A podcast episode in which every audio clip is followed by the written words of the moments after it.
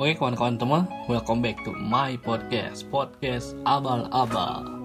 Ya, podcast yang uh, rilis dua kali seminggu ini.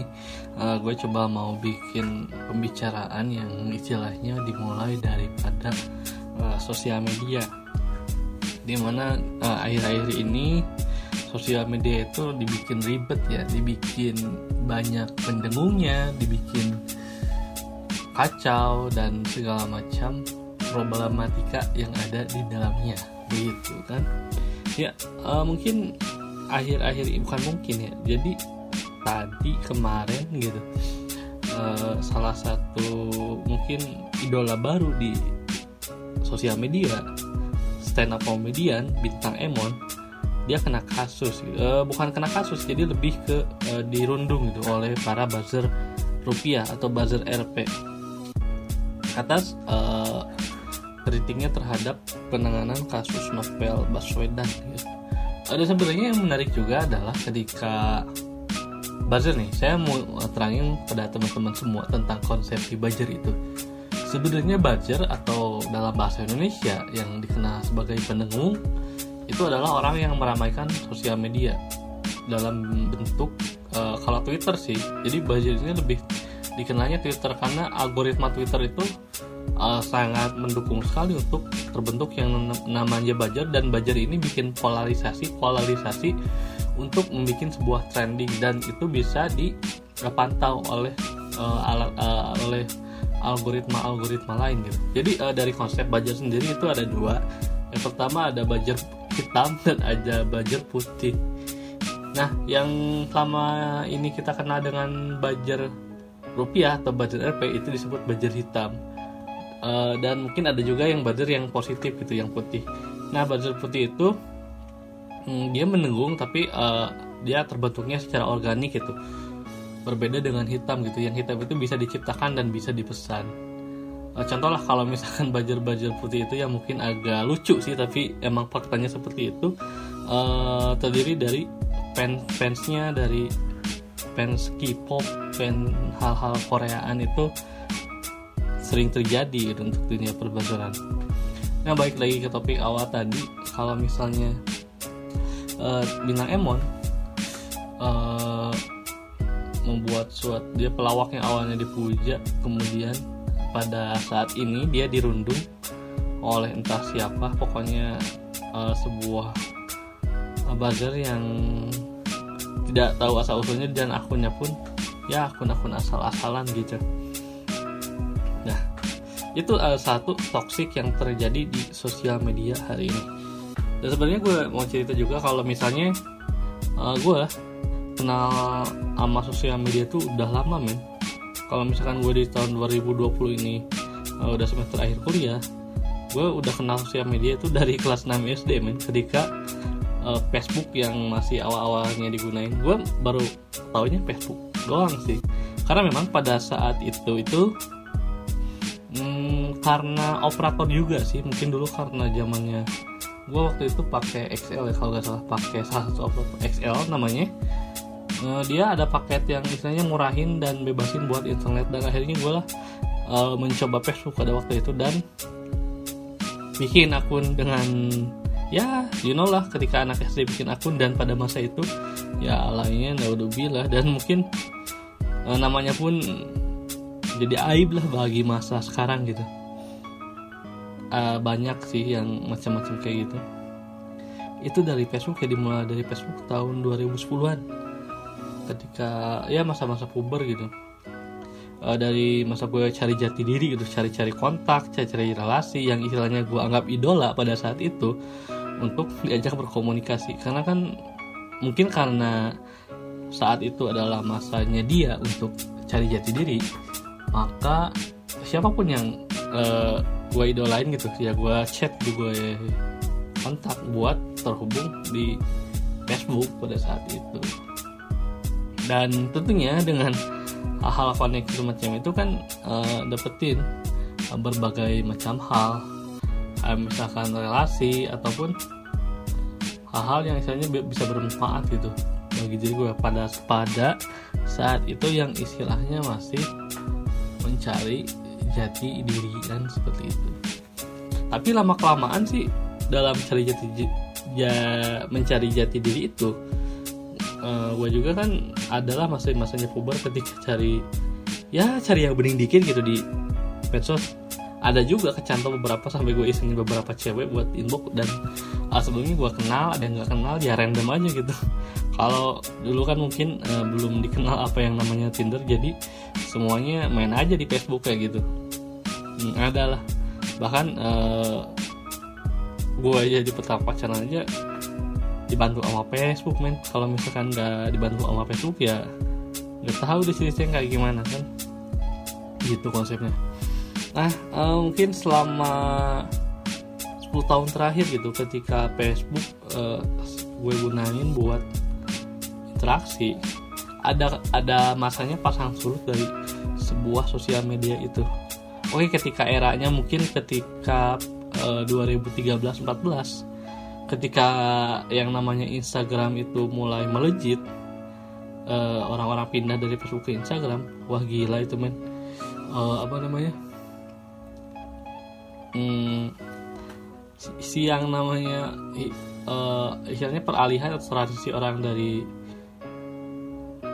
Facebook ke Instagram gede-gedean banget. Walaupun pada saat itu juga rame Twitter tapi pada saat itu gue belum terlalu ngerti sih caranya main Twitter. Uh, tapi Twitter akhir-akhir ini menjadi uh, sosial utama uh, media sosial utama yang gue mainin sekarang dibanding Facebook dibanding Instagram nah uh, dari periode itu sempat juga pas lurusnya Facebook adalah uh, pada tahun 2000 mungkin awal kuliah ya 2016 sampai 2019 tiga tahun ya gue nggak Facebook itu apa sih ala uh, ya makanya orang tua orang-orang ya istilahnya orang-orang bawah gitu kalau misalkan dalam uh, satu sosial gitu.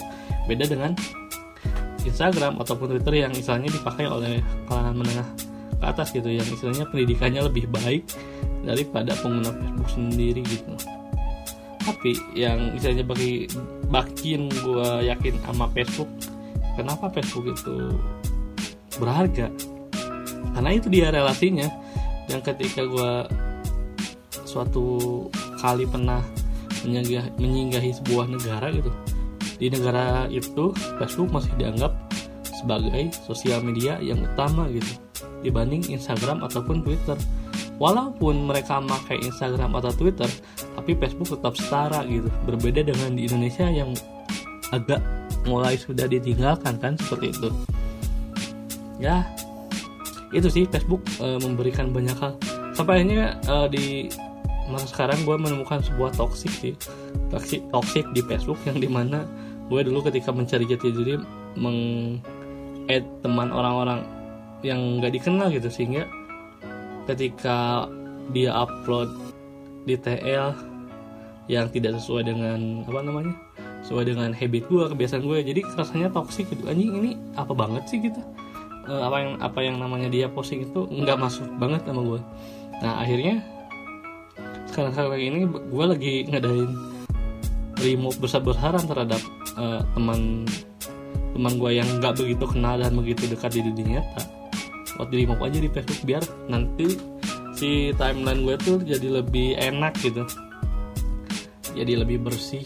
Jadi nggak jadi toxic banget gitu. Karena gue udah ngerasa nggak nyaman gitu kalau misalkan orang yang gak kenal tiba-tiba so eksis gitu di timeline gue gitu. Ada yang tiba-tiba ikutnya gue gak mau sih. Dan akhirnya mulai sekarang mungkin ada lah sekitar 50 orang yang di remove di Facebook gue setiap hari sampai bener-bener Facebook gue tuh istilahnya jadi ranah pribadi bagi gue untuk uh, meluangkan ekspresi karena mungkin ya dulu ketika ya masa-masa SMA mungkin cari jati diri juga gue kalau misalkan bikin satu sekalinya bikin satu itu yang like tuh lebih dari 50 tapi sekarang dengan status yang sama mungkin karena lama gak aktif itu yang like nya dikit banget yang like status gue gitu.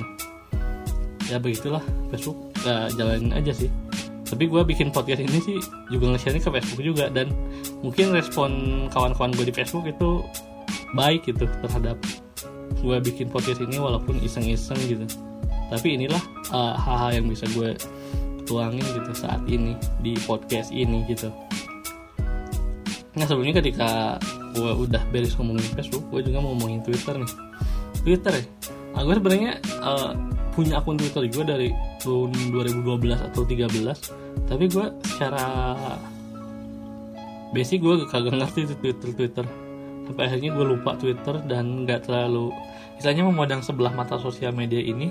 Sampai akhirnya kembali gue main Twitter di tahun 2018 gitu. Ketika teman-teman di kampus nyaranin uh Twitter asik juga gitu. Ya udahlah main. Dan akhirnya sampai sekarang main Twitter. Tapi yang ngerinya Twitter itu kalau misalkan ngomongin soal politik itu gak akan ada habisnya men. Lalu di Twitter itu kalau menurut gue sih uh, lebih mengedukasi gitu lebih memberikan banyak pengetahuan dibanding Facebook yang tadi gue kata uh, lebih banyak toksiknya daripada edukasinya. Tapi men kalau misalkan kata Raditya Dika gitu dia sampai bahkan sekarang ini gak pakai Twitter karena menurut dia itu Twitter itu sekarang sudah banyak orang pinternya mungkin bagi Raditya Dika itu sudah tidak enak gitu jadi kolam kolam sosial media yang bernama Twitter itu sudah enak buat dicemplungin gitu men ya itu gimana pilihan orang sih tapi kayaknya gue masih nyaman di Twitter dengan segala dinamika yang ada. Nah, kalau ngomongin sosial media lain, Instagram, Instagram sih lebih ke apa namanya? Kalau dalam bahasa Jawa ini lebih katalog sih, katalog. Ya, katalog gaya hidup, pamer dan lain-lain gitu. Yang di mana Instagram itu dipakai oleh orang-orang yang mau pamer kekayaan dan gaya hidup dia gitu secara secara gamblang ia tampilin di IG-nya dia gitu ya rata-rata sih kalau menurut gue sih pengguna IG tuh cenderung lebih ke arah sana gitu dan uh, dan juga mungkin menjadi salah satu sosial media dengan frekuensi uh, transaksi jual beli yang cukup menjanjikan di mana uh, Instagram itu menjadi main uh, sosial media utamanya bagi uh, produk untuk uh, untuk uh, dari sebuah brand ataupun sebuah usaha gitu untuk memasarkan produknya itu paling seksi di Instagram. Karena rata-rata orang yang main Instagram itu konsumtif gitu bisa dikatakan seperti itu. Nah, semoga aja gitu. Uh, Instagram gue Instagram gue udah lumayan sih maksudnya udah dikelola. Cuman jangan sampai semua sosial media yang gue miliki itu menjadi toksik gitu yang artinya memberikan sebuah presiden buruk gitu bagi gue dan tetap aja yang namanya sosial media itu kan dipakai ketika waktu luang untuk mengisi waktu-waktu yang produktif itu bukan waktu lu habis buat hal-hal yang tidak produktif di sosial media. Itu sih yang menjadi masalah bagi semua orang saat ini. Tapi yang ngomong-ngomong gue menarik nih. Hmm, kan mahasiswa semester akhir kan otomatis kan udah ngeraba-raba gitu bagaimana soal ya dapetin kerjaan. Nah gue juga di twitter ada yang namanya akun HRD Bacot yang suka ngomongin soal LinkedIn. Nah LinkedIn ini menarik juga sih bagi istilahnya mungkin anak-anak muda yang istilahnya uh, tidak terlalu memperhatikan soal LinkedIn ini tapi ketika dia sudah mau semester akhir ataupun mencari kerjaan pasti dia akan main LinkedIn buat dapat koneksi pekerjaan. Ya untuk ya mahasiswa mahasiswa mahasiswa semester akhir ataupun fresh graduate gitu yang mengincar sebuah kerjaan. Tapi masalahnya ada orang bilang kalau LinkedIn sekarang itu nggak seperti LinkedIn zaman dulu katanya. Tapi gue nggak tahu masalahnya gimana gitu.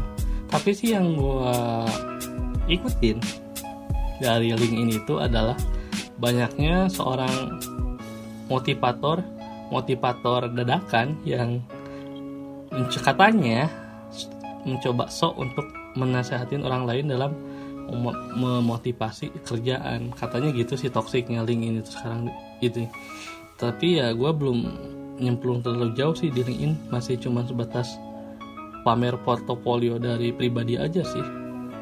Masih masih dalam level saat itu belum ke level-level level yang lain gitu. Nah ini yang tadinya bermanfaat gitu yang namanya sosial media ini kalau diisi oleh orang-orang yang toksik itu bisa membawa presiden buruk bagi kita juga gitu. Sehingga apa yang awalnya kita di pagi hari punya mindset atau semangat yang positif tiba-tiba ketika kita udah buka medsos anjir jadi bad mood gitu gara-gara timeline ataupun uh, dari algoritma media itu membuat kita jadi bad mood atau toxic gitu sehingga males gitu buat ngejalanin hari-hari. Bahkan yang lebih parahnya itu bisa bikin stuck kita yang istilahnya perlu ide buat produktif gitu. Itu sih yang gue khawatirin. Nah semoga uh, apa yang gue share malam ini gitu bisa mungkin pasti dirasakan juga oleh yang dengerin podcast gue malam ini. Ya intinya saran dari gue sih bersihin timeline lo dari hal-hal yang toxic gitu. Ya semoga setelah bersih dari yang namanya tos ini gue bisa ngejalanin sosial media ini sesuai kebutuhan dan adanya kenormalan. Ya. Yuk goodbye